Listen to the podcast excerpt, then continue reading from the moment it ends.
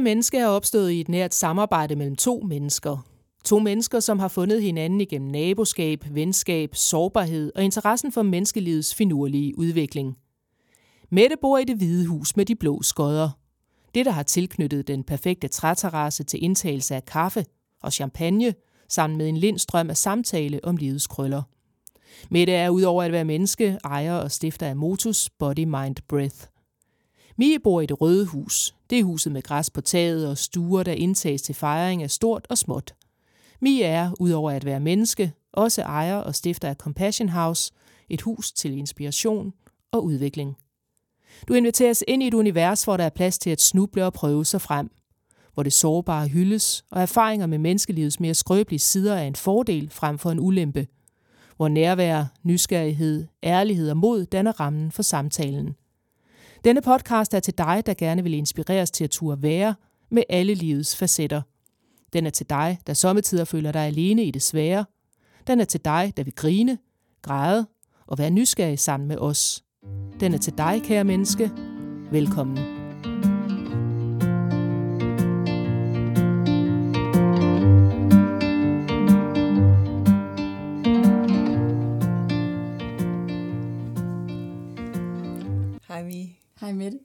Så blev det episode 3. Det gjorde det simpelthen. Episode 3 handler jo om mod. Det handler om mod. Ja. Så vi, vi må se, om vi kan finde modet til at gennemføre. Oh. ja. Så når jeg siger mod, hvad tænker du så? Jeg tænker, jeg tænker en form for styrke. Øhm, eller i virkeligheden også en, ja, jeg tænker modig. Altså, at man tør, tør noget. Mm-hmm. Øh, gør noget, som man måske ikke tør, man gør det alligevel. Det er mod Det er mod. for mig. Ja. Ja. Og det kan også, øh, ja, jeg vil sige, det kan det modsatte af frygt. Det kan måske slette lidt frygt, hvis man tør at være modig. Mm-hmm. Mm. Hvad tænker du? Meget af det samme, som du lige sagde, det her med styrken. Det er at ture gøre noget, måske netop når frygten er til stede. Mm-hmm. Det at gå med sådan rystende ben under sig og tage nogle vigtige skridt. Mm. Selvom vi kan tænke, kan det nu gå? Kan det virkelig lade sig gøre? Hvad nu, hvis det går galt? Ja. Men det er alligevel at ture og træde et skridt ud i, i det ukendte, hvis man kan sige det sådan. Og for mig i hvert fald, der er frygten altid med som ledsager i sådan en proces. Mm. Jamen, jeg kan heller ikke lade være at tænke tilbage på vores seneste episode, som handlede om sårbarhed, Mm-hmm. hvor du fortæller om den her meget store internationale konference, du skal på, og også får skrevet en sms til mig om, at du er helt i faglås. Og alligevel går du ud og laver et fantastisk stykke arbejde i forhold til det foredrag, du skulle holde. Det er mega modigt, synes jeg. Men jeg tror i virkeligheden, at noget af det, som altså, der skete lige der, er for mig også noget af det, der er så centralt med mod. Fordi selvfølgelig kommer modet indefra os selv. Men nogle gange, hvis vi lige kan, når vi sådan har allermest brug for at være modige, lige række ud, og så tage en anden i hånden, mm. som lige kan hjælpe os lidt med det der mod, der måske svigter. Ja. Og jeg fik ikke fat i dig, men jeg fik fat i din søde mand, som gav mig lige et boost. og så gik det. og så gik det, ja, men det er fantastisk. Jeg synes, det er så sejt. Og jeg er meget betaget af modige mennesker. Øh, Særligt når det er på sådan et plan, som du præsterer der, foran en hel masse, hvor man gør noget i form af en tale. Altså man står jo egentlig helt blottet foran en hel masse mennesker og fortæller, hvad man har på hjerte. Eller du fortæller, hvad du har på hjerte. Jeg synes, det er så modigt. Ja, så i virkeligheden er mod måske også noget, der kommer mange størrelser. Ja, det tror jeg. Fordi når jeg udviser mod for eksempel, så har det en helt anden karakter, synes jeg, hvis jeg sådan skal reflektere over det. Mm. Fordi jeg, jeg øh, synes jo, det er sjovt at hoppe ud med en faldskærm, eller hoppe ja, ned for noget højt og over noget, hvor folk er ved at dø, hvor jeg kravler op og tænker, 3, 2, 1, jeg gør det, hop. Og jeg elsker den følelse, det giver mig. Og jeg ved ikke engang, om det er mod. Det er bare noget, jeg synes, der er fedt, og så gør jeg det. Men hvorimod jeg synes, det der med at stå og blotte sig selv, det er mod for mig. Jamen, jeg tænker også, at det er jo, når du siger det her, at i virkeligheden tror jeg, at det handler om det der med, at mod har jo mange forskellige ansigter. Mm. Altså fordi, hvis jeg skulle hoppe ud et højt sted fra, det ville dele med kræve meget mod fra mig. Mm. Og nogle gange er der jo også, jeg tænker, når vi tør hoppe ud fra noget, det kan jo bruges både helt sådan konkret, som det faktisk at hoppe ud fra noget, men det kan jo lige så vel være metaforisk. Mm-hmm. Og for mig, altså, jeg vil sige, en af de gange, hvor jeg oplevede det her form for mod, hvor det øh, var sådan et konkret mod, der var det jo, da jeg startede med at fridykke, som jeg gjorde her for to år siden, og jeg, jeg rystede hele vejen i bilen ud til det site, hvor vi skulle dykke, og jeg rystede hele vejen ned i dykkerdragten, og jeg rystede så meget, så jeg ikke kunne få hverken svømmefødder eller bly, som man skal have på, eller noget andet udstyr. Så jeg måtte simpelthen nøjes med snorklen og min dragt, fordi jeg rystede så meget. Jeg var så bange, lige indtil at jeg vendte ansigtet ned i vandet og begyndte at dykke nedad. Så forvandlede modet sig på en eller anden måde til en form for væren. Hmm. Og det er jo interessant, for hvad fik dig til for det første at tage ud og dykke, når du, når du lyder det til, havde så meget modstand på det? Jamen, jeg tror for mig, at jeg virkelig begyndt at tillade mig selv at navigere efter den der følelse af, når der er noget inde i mig, der siger, hmm, der kunne være noget på den anden side af det her. Mm. Der kunne være fedt, eller godt, eller give nogle indsigter. Så øver jeg mig virkelig, virkelig meget på at gå med det. Mm. Og den følelse havde jeg omkring fridykning. At jeg, vi havde haft nogle få sessioner inden, hvor at det handlede om, at vi skulle ligge og holde vejret. Bare op på land. Øhm, og der, der mærkede jeg sådan en tilstand, som... Altså, jeg er åndedrætsterapeut og arbejder rigtig, rigtig meget med åndedrættet, og jeg havde mærket virkelig mange fantastiske aspekter af åndedrættet allerede der. Men her var der ligesom et nyt sted, som jeg ikke havde mødt før. Mm. I alt mit åndedrætsarbejde, så jeg blev helt vildt nysgerrig på, hvad, hvad kan det, og hvad kan det så, når, når naturelementet og vandet kommer med indover. Så, så det var bare for mig et, sådan, det sidste gang, hvor jeg tænkte, gud, hvor er jeg glad for, at jeg lod modet tage over. Yeah. Og, som jo gav mig det, som jeg stadigvæk holder meget af at gøre. Ikke? Ja, det er fantastisk. Hvor er det dejligt. Så, men nu sidder vi jo her og øh, har nogen, der sidder og lytter med derude. Så hvorfor er det egentlig vigtigt at tale om det her med mod? For at have det lidt sjovere. jeg tror, at vi kunne leve meget sjovere og meget mere frit, hvis vi turde lidt mere, eller var lidt mere modige. Og jeg får sådan lyst til, når du siger det, at spørge, men hvad er det så i os, der forhindrer modet? Ja, præcis. Hvad er det dog, der forhindrer det? Men må ikke det er noget yderstyret, altså i forhold til, hvordan kan jeg tillade mig det her? Kan jeg gøre det her? Er jeg sådan en, der gør sådan noget? Så rigtigt, tror jeg. Mm-hmm. Mm. Og så kan man jo være modig og sige, normalt er jeg ikke sådan en, der gør sådan noget her, men i dag er jeg sådan en, der fridykker. og så bare eje den. Ja. ja. Jeg tror det i øvrigt, det er meget lærerigt. Jeg tror virkelig, mod kan få os langt. Ja, så, så lidt i tråd med det, vi talte om i episoden omkring sårbarhed. Altså i virkeligheden kan man sige, at med modet kommer sårbarheden også, fordi vi på en eller anden måde er nødt til at vedkende os. Hvad er det egentlig, der forhindrer mig i at være modig lige nu? Hvad er det, der står i vejen? Og som du siger, hvis vi så bliver mødt med alle de, alle de forskellige gode forklaringer indeni på, hvorfor tingene ikke kan lade sig gøre. Altså, hvorfor er det, man ikke kan være et menneske, der bla bla bla bla bla. Og så mm. kommer alle fortællingerne og historierne ind i, ikke? Ja, Hvorfor kan man ikke være sådan en, der... ja. Ja, det er jo der, hvor man skal gribe sit mod, tænker jeg, nogle gange og gøre det.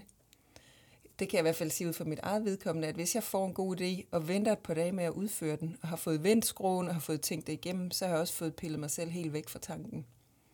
Så mister jeg modet. Så mister du modet. Ja. Så for dig er det godt at handle på det, når du mærker, nu er den der. Jeg tror, det vil være godt for mig. Det er ikke altid, jeg er ret god til at gøre det. Ja, men de ting behøver ikke at hænge sammen. Det kender jeg i hvert fald altid. For at fortælle. Nej, men det der med, at, at en ting er at vide, hvad der vil være godt for os, en anden ting er at gøre det. Ja. ja, men der kan være meget lang vej. Og det er jo nok der, hvor modet kan komme i spil. Ja. Ja.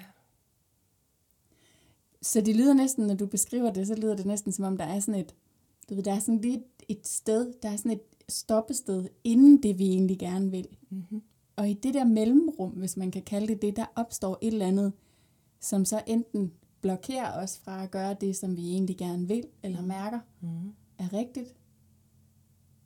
Eller så skal vi ligesom tage frygten med i bagagen, og så træde det ud alligevel. Ja, det tror jeg, du har utrolig meget ret i. Og så tror jeg faktisk, at det der med mod, der kan være noget ret i at dele det. Altså Ja. dele frygten, der er op til den her modige handling. At den kan være rar at dele med andre. I det hele taget er det jo rart at dele med andre. Lige præcis. Ja.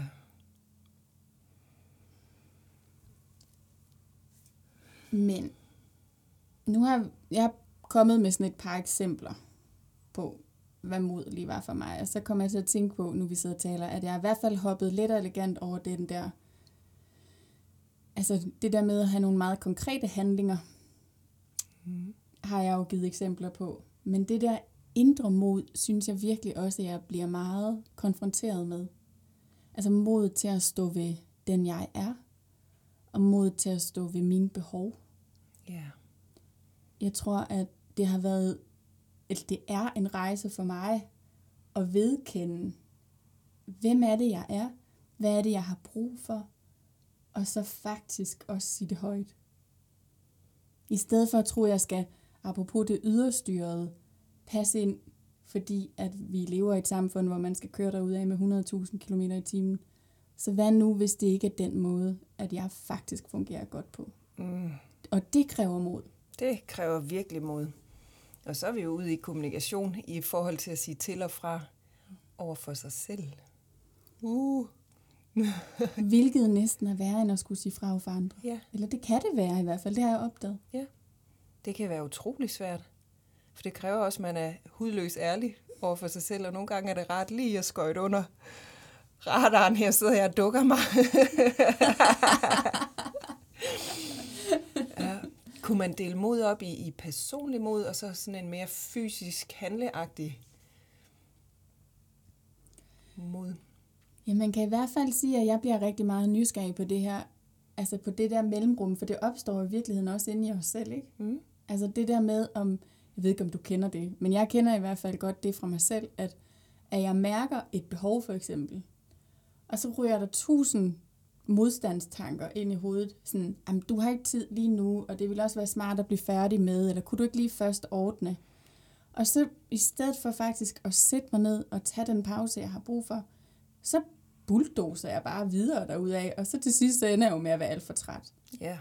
Men den der, i det der mellemrum mellem at opdage behovet, der er jo også en handling, ikke? Mm. Det kræver jo faktisk, at jeg gør noget andet end det, som min krop og mit sind trækker mig i retning af, hvilket er at overhøre det. Ja. Ja, og der kan man måske igen foretage et valg, for et er at overhøre det bevidst, noget andet er at vedkende sig det, og så sige, jeg tager et valg, jeg kan godt se, at jeg bliver nødt til lige at gøre de og de og de. Men så skubber jeg en halv time ind til mig selv, eller fem minutter ind til mig selv. Så mod er jo virkelig mange ting, ikke? Det foregår på rigtig, rigtig mange planer. Ja. Hver eneste dag, dybest set. Ja, det gør det virkelig. Det gør det. det. Det ser meget forskelligt ud. Jeg kan huske en gang for mange herrens år siden, jeg var jo, det er lige før jeg vil sige, i mit tidligere liv, arbejdede jeg med markedsføring. og på et tidspunkt, der var jeg bare fedt op. Og jeg sagde op. Og øh, folk var sådan helt, det var, jeg kan ikke huske, hvor mange år efter endt uddannelse det var, men det var i hvert fald der, hvor karrieren var stukket af, og det kørte rigtig godt, og det var meget fint. Og jeg kunne bare mærke, hvis jeg bliver i det her, så bliver jeg ligesom alle de andre med lige så spidse albuer. Sådan en vil jeg ikke være. Og så sagde jeg op. Og jeg havde ikke noget andet. Og folk synes simpelthen, det var så modigt. Og for mig, der, der handlede den faktisk ikke engang om mod. Det var bare noget, der kom indenfra. Nu er nok nok. Slut. Der, hvor det så blev til mod, og der, hvor jeg ved lidt fra det, det var, at det, var, det her det var sådan en forsommer. Og hen over sommeren var det jo fantastisk at have sagt fra. Men øh, da vi så nåede til efteråret, blev jeg jo nødt til at finde ud af, hvad jeg så ville. Og der var jeg ikke modig nok mm. til at træffe et radikalt valg. Det tog en del år, og faktisk en tur på skjoldet, inden jeg turde at tage det valg, der virkelig kaldte på mig indeni. Og det er jo interessant, det her med, at du faktisk fortæller, at modet på en eller anden måde, altså i første omgang var det bare sådan en, altså der var den der indre kalden bare så kraftig, at du, det gjorde du. Mm. Men så i virkeligheden, da du stoppede lidt med at lytte, lyder det som om, ikke? Mm. så kom turen på skjoldet. Ja. At sådan, så må du lige ned og ligge. Ja. Det er interessant. Altså, jeg, jeg bliver altid, altså, eller det er jo egentlig underligt, at jeg stadig bliver forundret over det, fordi jeg har set det så mange gange nu. Men, men for mig er det jo virkelig det der, hvor er det bare vildt, hvad vores krop og sind og sjæl dybest set kan fortælle os, ja. hvis vi bliver ved med at overhøre, ikke? Ja. Altså, så giver den os ligesom den nødvendige pause, for ligesom at, at kunne lande de indsigter, der skal til, for at vi kan træffe nye valg. Jamen, du har fuldstændig ret. Altså, kroppen er så forunderlig, den skal nok sige til, hvis vi ikke lytter. Men så handler det jo, i hvert fald for mit vedkommende i det her tilfælde, handlede det om at være modig nok til at lytte, og det var jeg ikke til at starte med. Og det giver nogle slag. Så mod, mod må i virkeligheden være et grundvilkår for en sund udvikling. Ja.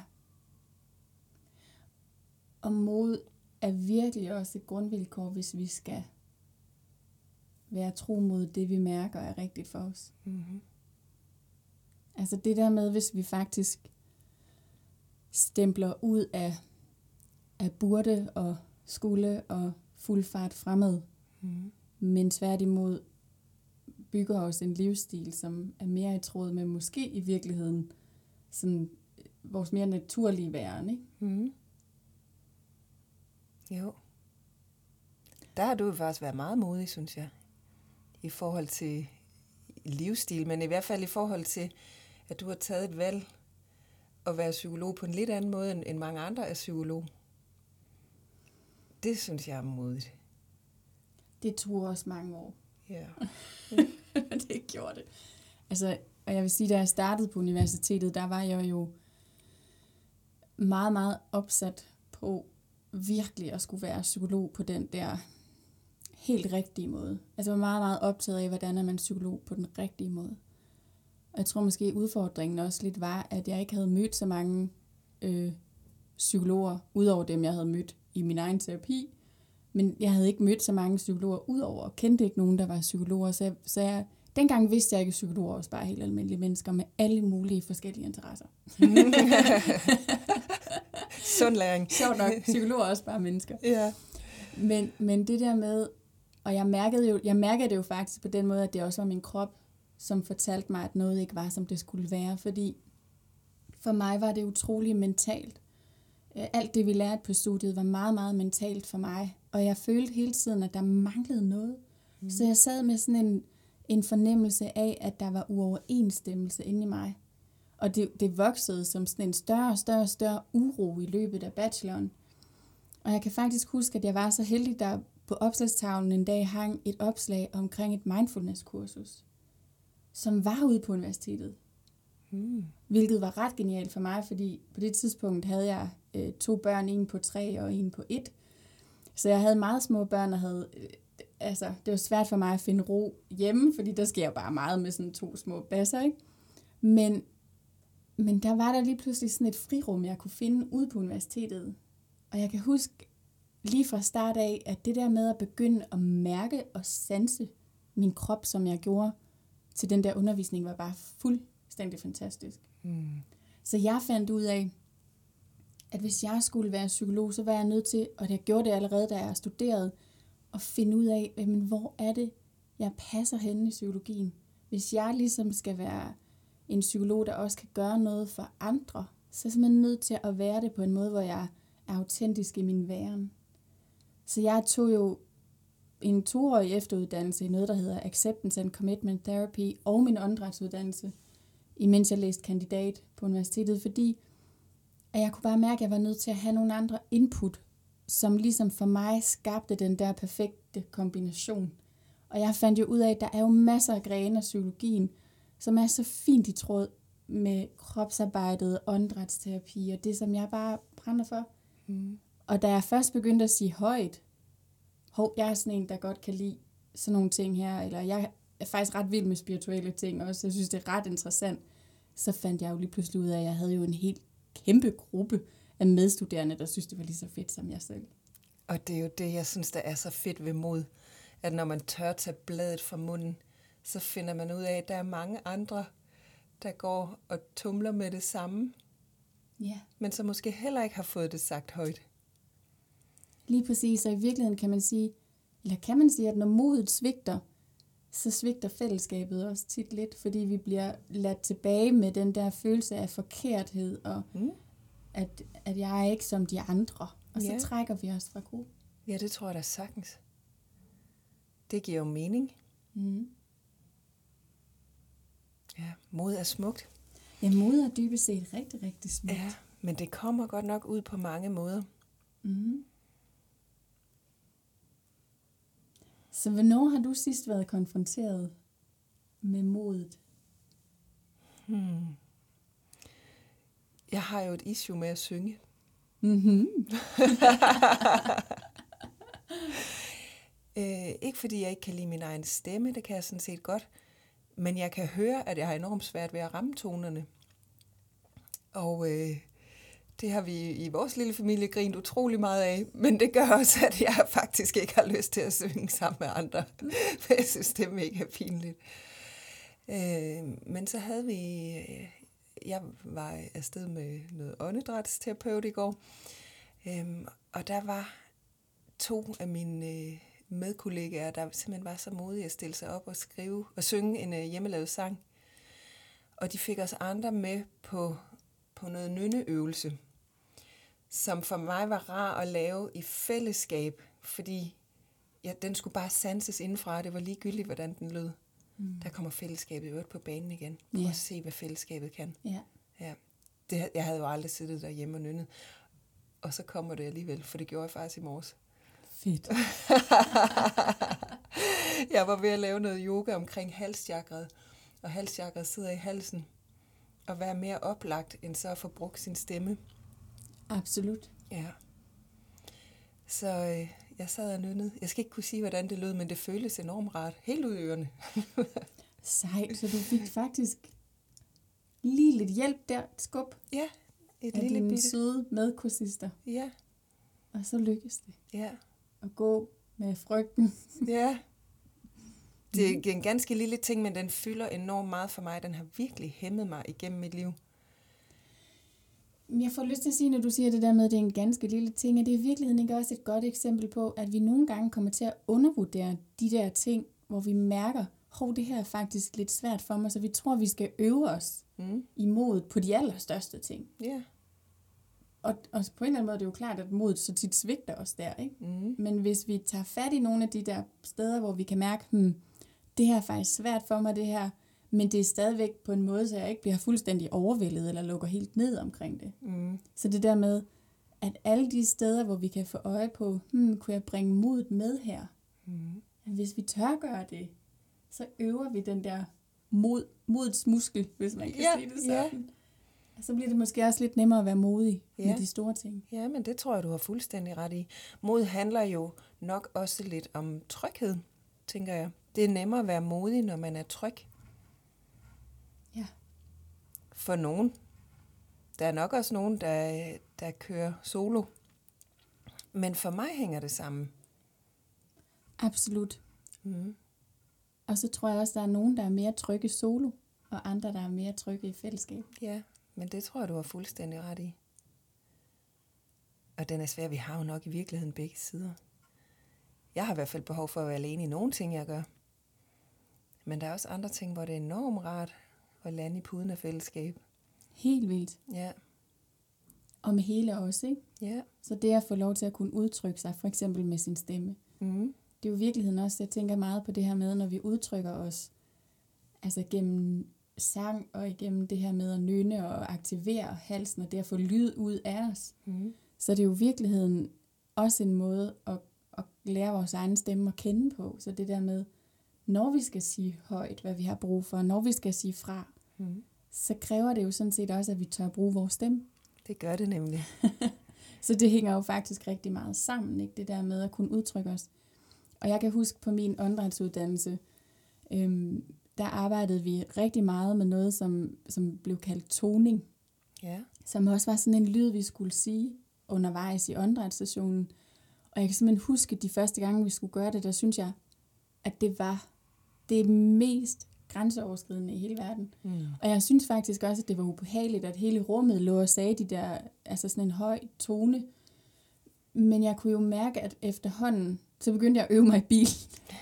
Så der på det tidspunkt, når folk kørte forbi mig ude på landvejen, så ville jeg tænke, hvad fanden laver den dame der, der sidder der og skriger lige op i luften. Men, men for mig var det faktisk den eneste måde, jeg kunne komme i gang med at bruge det i fællesskabet, det var at træne det alene. Ja. Fordi så blev jeg lige tilpas tryg til, at så kunne jeg begynde at bruge min stemme mere mm. offentligt eller i fællesskabet. Ja.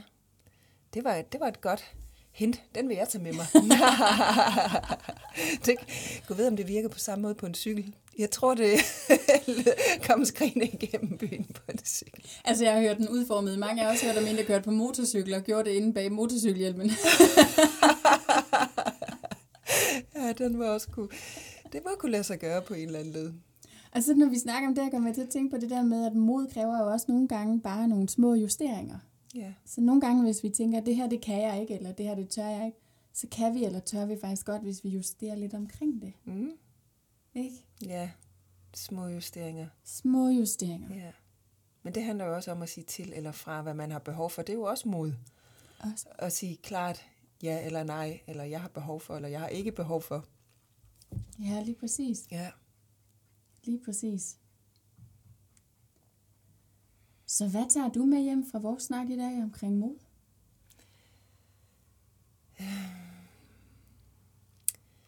Jeg tager med mig det der med at øve sig i det små. Den, jeg tror, for mig er det vigtigt at pille ting ned, så det bliver i de små. Altså små succeser, der skaber vejen hen. Jeg kan godt have tendens til bare at, at ville det hele fra start. Så det her med at lave små skridt på vejen derhen. I hvert fald, når det handler om personligt mod. Det er noget andet, hvis jeg skal bruge min krop, min fysik. Der tror jeg er meget modig. Ja, ej, gider du ikke sige lidt mere om det? Jo. Jamen, det, det er fordi, den er, den er jeg tryg ved. Jeg ved, min, min krop, den gør som regel det, jeg sætter den til. Hmm. Så, så hvis den skal et eller andet, så, så er det det, den skal, så gør den det. Så den, det tænker jeg slet ikke over. Hvor jeg ved, for andre vil det kræve en masse mod at gøre en, en masse ting med deres krop. Men øh, den vender omvendt for mig. Men jeg synes jo, det er mega interessant, fordi for mig er det jo altid det der med, at i virkeligheden kan vi jo enten... Altså, det, det er jo et, det bedste eksempel på, hvordan at krop og sind virkelig spiller sammen på den fineste måde, ikke? Altså det der med, at vi kan jo enten prøve at rationalisere os, eller tænke os til, eller visualisere noget oppefra og ned, som kan hjælpe vores krop til så at tage de nødvendige skridt.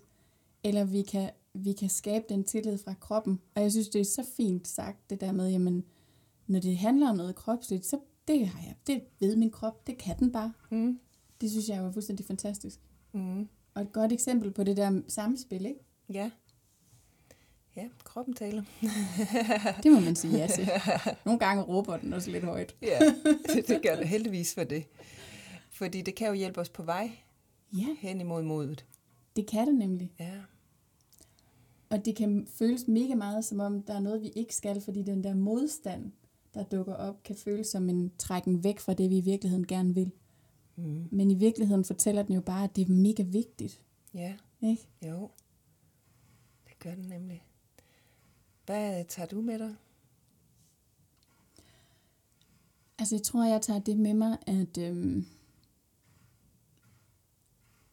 at mod virkelig er mange ting, og jeg vil være nysgerrig på, faktisk dagligt, hvor er det, hvor er det, det her med mod kommer ind.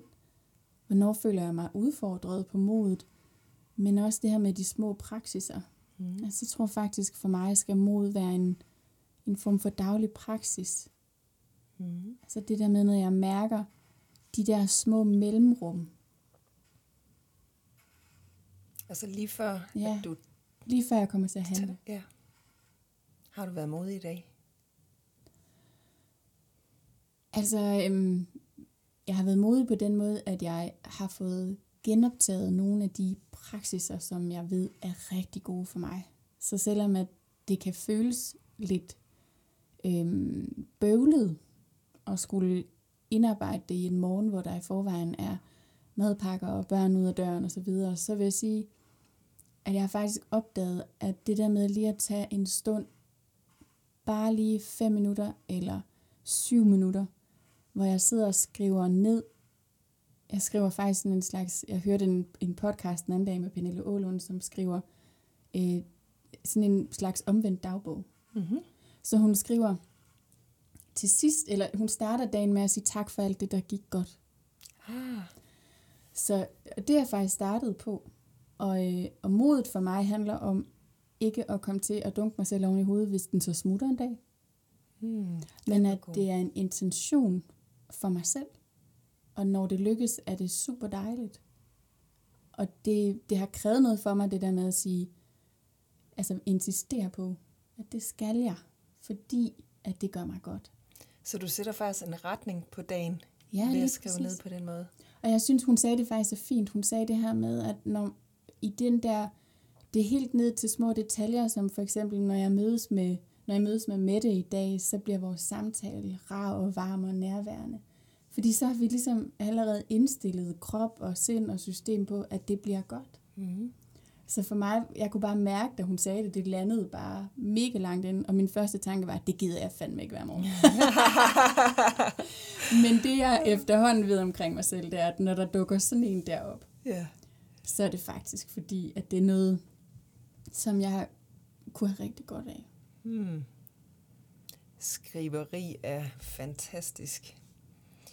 Jeg har den lidt med, øh, jeg ved ikke, hvad man hedder det, magic wri- writing eller 10-minute writing.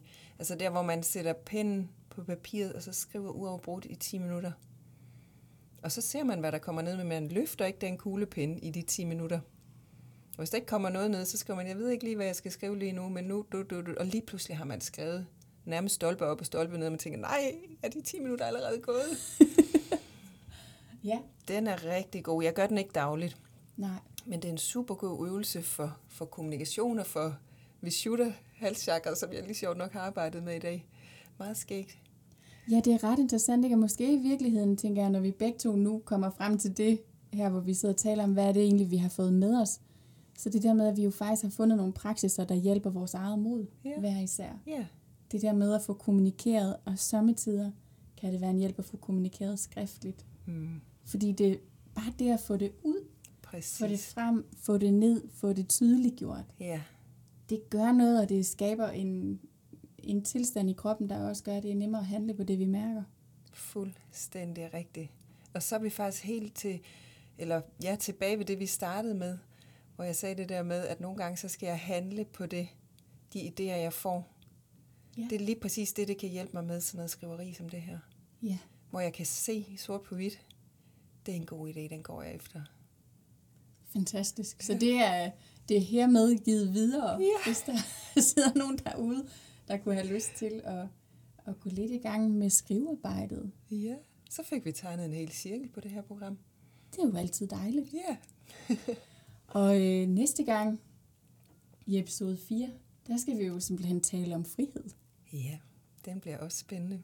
Og den, øh, den kommer næste fredag, Det gør den. så vi glæder os allerede nu faktisk til og byde velkommen igen. Ja. Kan I have en dejlig uge derude? Ha' det godt.